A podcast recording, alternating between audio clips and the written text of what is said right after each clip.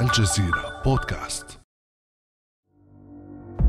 لم ينجلي ليل الأحد الماضي إلا وقد كان السودان على موعد جديد مع مشهد ليس غريبا عن تاريخ البلاد.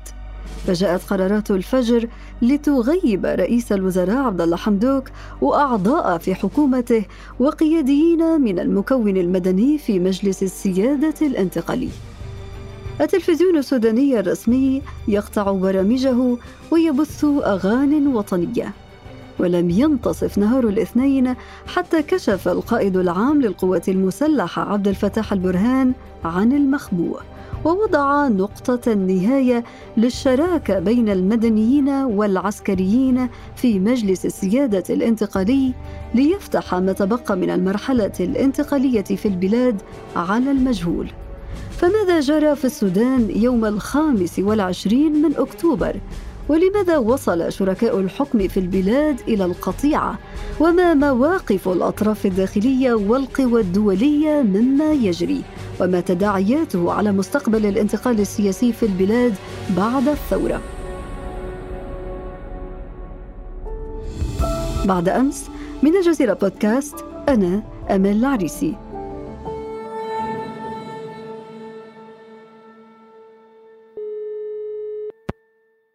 وينضم إلي هنا في الدوحة الأستاذ عثمان الكباشي المنتج التنفيذي ومشرف غرفة الأخبار في موقع الجزيرة نت أهلا وسهلا بك أستاذ عثمان. آه مرحبا بك زميل العزيزة أمال ونتمنى أن نقضي وقتا طيبا نستطيع أن نقدم فيه ما يمكن أن يشرح تعقيدات المشهد في السودان اليوم.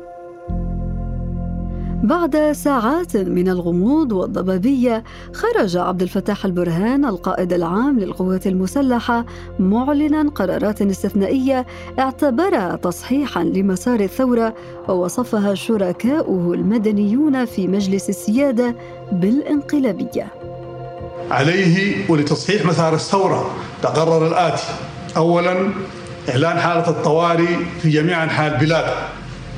ثانيا التمسك الكامل والالتزام التام بما ورد في الوثيقة الدستورية الفترة الانتقالية للعام 2019 واتفاق سلام السودان الموقع في جوبا في أكتوبر من العام 2020 ثالثا تعليق العمل بالمواد 11 12 15 16 24 3 71 72 من الوثيقة الدستورية مع الالتزام التام بالاتفاقيات والمواثيق الدولية التي وقعت خلال فترة الحكومة الانتقالية. رابعا حل مجلس السيادة الانتقالي وإعفاء أعضائه خامسا حل مجلس الوزراء. سادسا إنهاء تكليف ولاة الولايات. سابعا إعفاء وكلاء الوزارات. ثامنا يكلف المدراء العامين في الوزارات والولايات بتسيير دولاب العمل تاسعا وأخيرا تجميد عمل لجنة إزالة التمكين حتى تتم مراجعة منهج عمله وتشكيله على أن تكون قراراتها نافذة وخاضعة للإجراءات القانونية. بداية أستاذ عثمان لنجمل ما جرى يوم الاثنين في السودان. ما جرى أن الأحداث بدأت بجملة اعتقالات. نفذتها قوة عسكرية مشتركة بملابس مدنية وسيارات لا تحمل لوحات. هذه الاعتقالات استهدفت عدد من من وزراء الحكومة وأعضاء في مجلس السيادة من المدنيين بالطبع. وبعد هذه الأخبار مباشرة أخبار الاعتقالات التي ظهرت في السوشيال ميديا وظهرت آه، من خلال تواصل الناس ومن خلال وسائل الاعلام المختلفة. آه، بدأت مظاهر الرفض متمثلة في وضع المتاريس في الشوارع إحراق الإطارات وخروج كثير من الناس يرفضوا هذه الاحتقالات واعتبروها آه، منذ البداية يعني قبل أن يعلن رئيس مجلس السياده السيد عبد الفتاح البرهان قراراتي اعتبروا هذا نوع من الانقلاب. هذا تقريبا ملخص ما جرى في هذا اليوم. طيب أستاذ عثمان برأيك كيف وصل الأمر بين شركاء المرحلة الانتقالية في السودان المكون العسكري والمدني إلى هذا الوضع؟ آه، يمكن القول أن الخلافات آه، بين الشركاء زي ما سميناهم شركاء الانتقال اللي هم مكون مدني وهذا تقريبا يعني يتكون اجمالا من الحرية ومجموعة الحرية والتغيير ومكون عسكري. الخلافات بين الشركاء اطلت برأسها منذ البدايات تقريبا ولكنها مرت ببعض المحطات تزداد فيها وتيرة هذه الخلافات وتنخفض من خلال الوصول إلى بعض المشتركات. آه، ولكنها انفجرت مع قرب تسلم المدنيين لرئاسة مجلس السيادي. زي ما معروف وفق الوثيقه الدستورية إنه المجلس السيادي تتقاسم رئاسته ما بين مدنيين وما بين عسكريين. بدأت مرحلة العسكريين وكادت أن تنقضي والمفترض إنه وفق الوثيقة الدستورية تنتهي في نوفمبر المقبل هذا. فالانفجار كان تقريبا انفجار الخلافات كان بسبب هذا قرب تسليم الرئاسة إلى المدنيين. وهذه كان تبعها نوع من العنف اللفظي إذا جاز التعبير. خرج السيد البرهان وتحدث عن أن القوات المسلحة هي التي تتولى أمر الانتقال وستسلم المرحلة الانتقالية إلى من تثق فيهم. وطبعا حصلت ردود أخرى أيضا نوع من العنف اللفظي من وزير شؤون الرئاسة خالد عمر ومن محمد الفكي عضو مجلس السيادة واعتبرت كنوع من التقليل من شأن العسكريين تحديدا أو المؤسسة العسكرية كلها. وهذا تقريبا كانت الذروة. آه، وبعدها حصل نوع من القطيعة ما بين المكونين ولم يعني تعقد الاجتماعات الطبيعية المفترض تعقد إلى أن وصلنا إلى اليوم الذي أعلنت فيه هذه الإجراءات التي نحن الآن بصدد مناقشتها وتحليلها.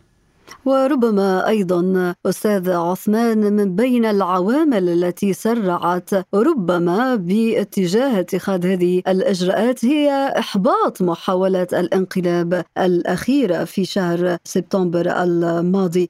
وبالتالي يا أستاذ عثمان هل تعتقد أن مبررات البرهان للإجراءات التي اتخذها كافية؟ هو كثير من المراقبين يقولوا إنه ما اعتمد عليه السيد البرهان من حديث عن انقسامات وعن مخاطر وهي واقع يعني لم يكن وليد اليوم يعني. أنا كما أشرت هي أطلت برأسها منذ البدايات. حتى الانقسامات داخل الحرية والتغيير أيضا لم تكن وليدة الأيام الماضية. أنا أعتقد هذه الانقسامات هذه المخاطر كان يمكن حلها بالاحتكام إلى الورقة الحاكمة اللي هي أنا أعني الوثيقة الدستورية التي تحكم العلاقة ما بين المدنيين وما بين العسكريين، كان يمكن أن اللجوء إلى إلى هذه الوثيقة وبالتالي نحل هذه المشاكل دون الوصول إلى هذه المرحلة، هذه المرحلة الصعبة جدا على السودان والتي نتمنى أن يتجاوزها الشعب السوداني بالحكمة وال... نتمنى نعم. ذلك طبعا أستاذ عثمان يعني استنادا إلى كلامك هل تعتقد أن البرهان ضخم هذه الوضعية التي قلت أنها ليست وليدة اليوم للاستفراد بالحكم من طرف المؤسسة العسكرية؟ دائما يعني أشير إلى مراقبي المشهد السياسي في السودان. هم دائما يتحدثوا هم كثير منهم اتهموا البرهان إنه هو الذي صنع هذه الأزمات. يعني أو تحديدا المكون العسكري هو الذي صنع هذه الأزمات. يتكلموا عن أزمات اقتصادية يعني في اتهامات بأنه هذه أزمات مصنوعة. أزمة الشرق أيضا أزمة مصنوعة. ويعني إذا عدنا نلقى هذا الكلام منشور كثير من الناس نشروا هذا والبعض من داخل المكون المدني هم اللي تكلموا عن هذا وهم دائما يقولوا نحن لم نفشل وإنما أفشلنا. إذا اتهامات متبادلة بين المكون العسكري والمكون المدني في السودان هي حصيلة كل هذه الخلافات بين الطرفين وبالتالي ألا تعتقد أن الانقسامات أيضا في صفوف قوى الحريه والتغيير وكذلك الخلافات الحاده في صفوف المدنيين لها دور في دفع نحو هذه الإجراءات الاستثنائية؟ يمكن قول ذلك نعم قوى الحرية والتغيير أو المكون المدني فيه انقسامات. يعني رأينا ذلك في تجمع المهنيين صار إلى أكثر من جهة. رأينا قوى الحرية والتغيير. الآن الناس يتحدثون عن قحط واللي هي قحط اختصار لقوى الحرية والتغيير قحط واحد. وقحط اثنين آه، اللي هم آه، هذه هي المجموعة التي نفذت اعتصام القصر وهي التي تؤيد الآن ما جرى. الحرية والتغيير هو الذي جمعها ما يمكن أن نطلق عليه برنامج الحد الأدنى. الاتفاق على ذهاب نظام عمر البشير والانتقال المدني. هذا الذي جمع قوى الحرية والتغيير ولكن هي متكونة من أحزاب مختلفة من أقصى اليمين إلى أقصى اليسار من أحزاب قديمة وأحزاب حديثة متكونة من داخلها حركات كفاح مسلح وداخلها أحزاب تقليدية هذا كلها كانت تكون قوى الحرية والتغيير وبالتالي الانقسامات في داخلها والخلافات متوقعة جدا طيب أستاذ عثمان برأيك كيف يمكن توصيف المشهد السوداني إزاء هذه الإجراءات الاستثنائية؟ هل سنشهد ربما اصطفاف في البلاد أم أن هذه الإجراءات ستخلق وحدة وتجعل كل المكونات تتجاوز الخلافات؟ آه المشهد السوداني مشهد متوتر إذا جاز التعبير خاصة بعد هذه القرارات. الآن آه هنالك ما, ما يشبه الانقسام. كما أشرت أن مجموعة الحرية والتغيير أصلا انقسمت إلى مجموعة الحرية والتغيير آه واحد ومجموعة الحرية والتغيير اثنين التي قامت اعتصام القصر. وهذا الجزء من الحرية والتغيير هو الآن مؤيد بشدة لإجراءات البرهان لأنه هو أصلا كانت هذه من ضمن مطالب اعتصام القصر. آه هذا فيما يتعلق بالحرية والتغيير. إذا ذهبنا شرقا أيضا كان واحدة من الأزمات اللي هو الناظر ترك هذا القائد الزعيم القبلي في شرق السودان الذي قاد اعتصام شرق السودان واغلق الطريق الرئيسي الذي كان يربط ما بين الميناء الوحيد والرئيسي في السودان وبقية أجزاء السودان. آه، هذا الرجل أيضا كان من ضمن مطالبه حل هذه الحكومة وكان متشدد جدا في هذا الطلب هو الآن من أوائل الذين أيدوا آه، قرارات أو إجراءات آه، البرهان. المشهد الآن مشهد منقسم بامتياز هنالك من يؤيد إجراءات البرهان ولكن هنالك أيضا من يرفضها وزي ما قلنا رأينا مظاهر هذا الرفض في الشوارع آه، في المظاهرات في وضع المتاريس في الطرق الرئيسية في إشعال إطارات السيارات ومظاهر الرفض المختلفة يعني.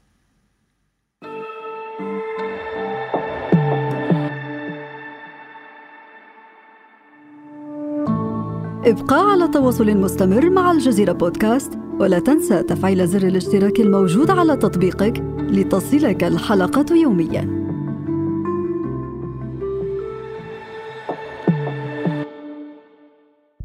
إذا مشهد سوداني منقسم بين مؤيد ورافض لإجراءات البرهان الاستثنائية، ولكن هذه الإجراءات لاقت بشكل مباشر وفوري حتى ردود فعل من القوى الدولية عبرت عن مواقف مختلفة، كيف تقرأها أستاذ عثمان؟ المواقف الدولية تنوعت ما بين الإدانة الصريحة ووصف ما جرى بالانقلاب. هنا ناخذ نموذج آه، الرئيس الفرنسي ماكرون سماه محاولة انقلاب وموقف الأمين العام للأمم المتحدة أيضا تحدث عن انقلاب.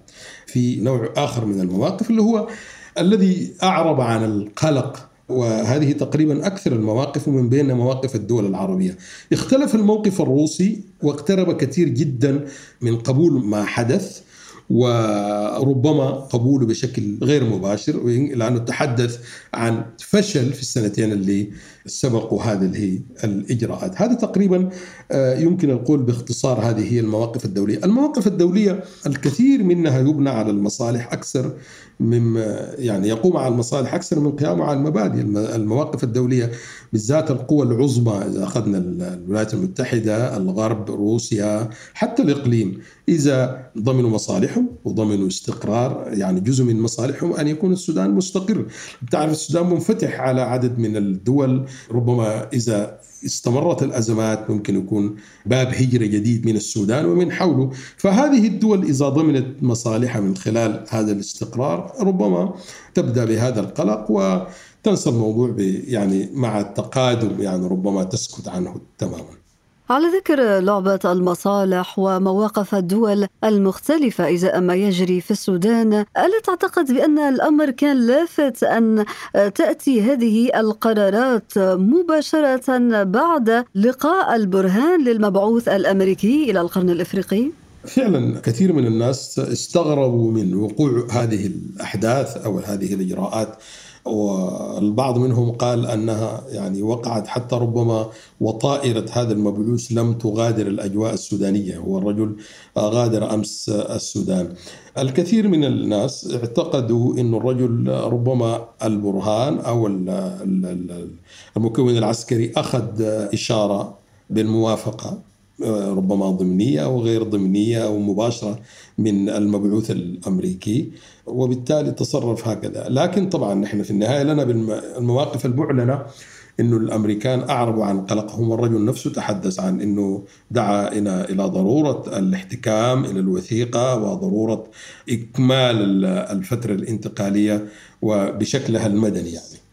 بما أنك أشرت إلى الوثيقة الدستورية التي علق البرهان بعض بنودها برأيك ما تداعيات كل هذه القرارات على مستقبل المرحلة الانتقالية في السودان خاصة وأن الشراكه بين المكونين العسكري والمدني انهارت بمقتضى هذه الإجراءات الاستثنائية؟ إذا نظرنا الآن إلى الوثيقة الدستورية الوثيقة الدستورية لم تعد موجودة. وبالتالي هي التي كانت تحكم الشراكة ما بين هذين المكونين. وبالتالي الشراكة أصلا انهارت. فأنا كما أشرت سابقا ربما الآن تأتي حاضنة جديدة ربما يتم العمل مع ولكن الشراكة مع المكون الذي كان في مجلس الوزراء أو في المجلس السيادي مجموعة الحرية والتغيير واحد انتهت هذه الشراكة انتهت بالإعلانات انتهت بالاعتقالات. حتى معظم المواد التي تحدث عنها السيد البرهان التي ألغاها هي المواد التي كانت تتحدث عن الحكم المدني. بتكلم عن مجلس الوزراء بتكلم عن مجلس السيادة بتكلم عن لجنة التمكين اللي هي آه، لجنة إزالة آه، آثار تمكين النظام السابق. هذه كلها الآن أصبحت فعل ماضي يعني ولم تعد موجودة وبالتالي لا شراكة. برأيك أستاذ عثمان ما حقيقة ما يتم تداوله من أن قرارات البرهان جاءت نتيجة لحصوله على دعم إقليمي هل تؤيد هذا الرأي؟ نعم هو كثير من المراقبين أشاروا إلى ذلك أن الرجل حصل على دعم من الإقليم الإقليم القريب والبعيد يعني من هذه الدول التي تريد الإشارة إليها؟ يعني هم هو كثير المراقبين تحدثوا تحديدا عن تكلموا عن مصر تحدثوا عن دولة الإمارات العربية المتحدة بالتحديد يعني. هذا الآن كثير من المراقبي الشان السوداني وحتى المكون المدني الذي أطيح به الآن يتحدث عن هاتين الدولتين ويتحدث عن ضوء أخضر وبقبول أمريكي. يعني هذا الآن الحديث الذي يجري يعني.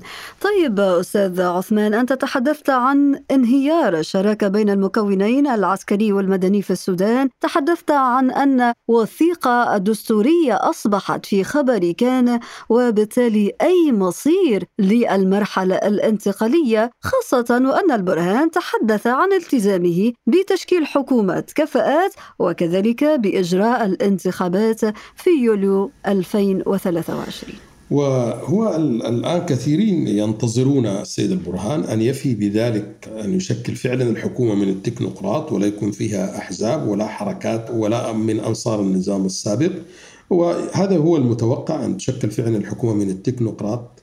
ومتوقع أيضا أن تجد دعمها من الحاضنة الجديدة والتي أشرت إليها اللي هو المكون الآخر من الحرية والتغيير اللي هو الحرية والتغيير اثنين. هي بالتأكيد حتدعم هذه الحكومة و اعتقد إنه الشعب ينتظر ذلك. يعني الشعب ينتظر أفعال وينتظر إصلاح حقيقي. يعني أنا أعتقد آه، آه، كثير من المراقبين يقولون إنه إذا فعلا التزم البرهان بتكوين حكومة تكنوقراط ووجد الدعم من حاضنة واستمرت في معالجة أزمات البلد ويعني كونت مؤسسات الانتقال التي لم تكون بعد مثل مثل المجلس التشريعي مثل المحكمه الدستورية مثل مجلس القضاء. فإذا فعل ذلك وذهب في هذا الانتقال ربما تهدأ الشوارع وربما تكبر الحاضنة الجديدة. ولكن ألم يكن ذلك ممكنا في ظل الشراكة بين المكونين. برأيك أستاذ عثمان؟ طبعا أشرت إلى ذلك. وقلت أن الوثيقة الدستورية كان فيها كل الإشكالات اللي كانت موجودة آه، اللي اللي موجودة الآن اللي تحدث عنها البرهان واللي بيتحدث عنها المعسكر الثاني. كان ممكن أن تحل في إطار هذه الوثيقة، الناس ترجع للوثيقة الدستورية. هي هي الورقة التي تحكم العلاقة ما بين الاثنين. بالتالي أي مستقبل للبلاد في ظل إمساك المكون العسكري الآن بمقاليد الحكم فيها؟ أنا بتصور يقولوا ادخنه اطارات السيارات المحروقة في الشوارع والمتاريس التي موجودة الآن في الشوارع. هي تحجب الرؤية كثيرا تحجب رؤية هذا المستقبل. يعني لا يستطيع أي محلل أن يجزم الآن بما يمكن أن يصير عليه الواقع السوداني في خلال أسبوع. يعني أتصور المشهد متحرك ومتوتر. يعني لا يستطيع محلل أو مراقب أن يجزم بما يمكن أن يصبح عليه الحال السوداني. إذا مشهد ضبابي ورؤية غير واضحة كما ذكرت أستاذ عثمان تجعل البلاد منفتحة على أكثر من سيناريو قد يحدد مصير المرحلة الانتقالية في البلاد ومدى إيفاء المكون العسكري فيها بالتزاماته. الأستاذ عثمان كباشي المنتج التنفيذي ومشرف غرفة الأخبار في موقع الجزيرة نت. شكرا جزيلا لك على كل هذه التوضيحات. شكرا شكرا شكرا. كان هذا بعد أمس.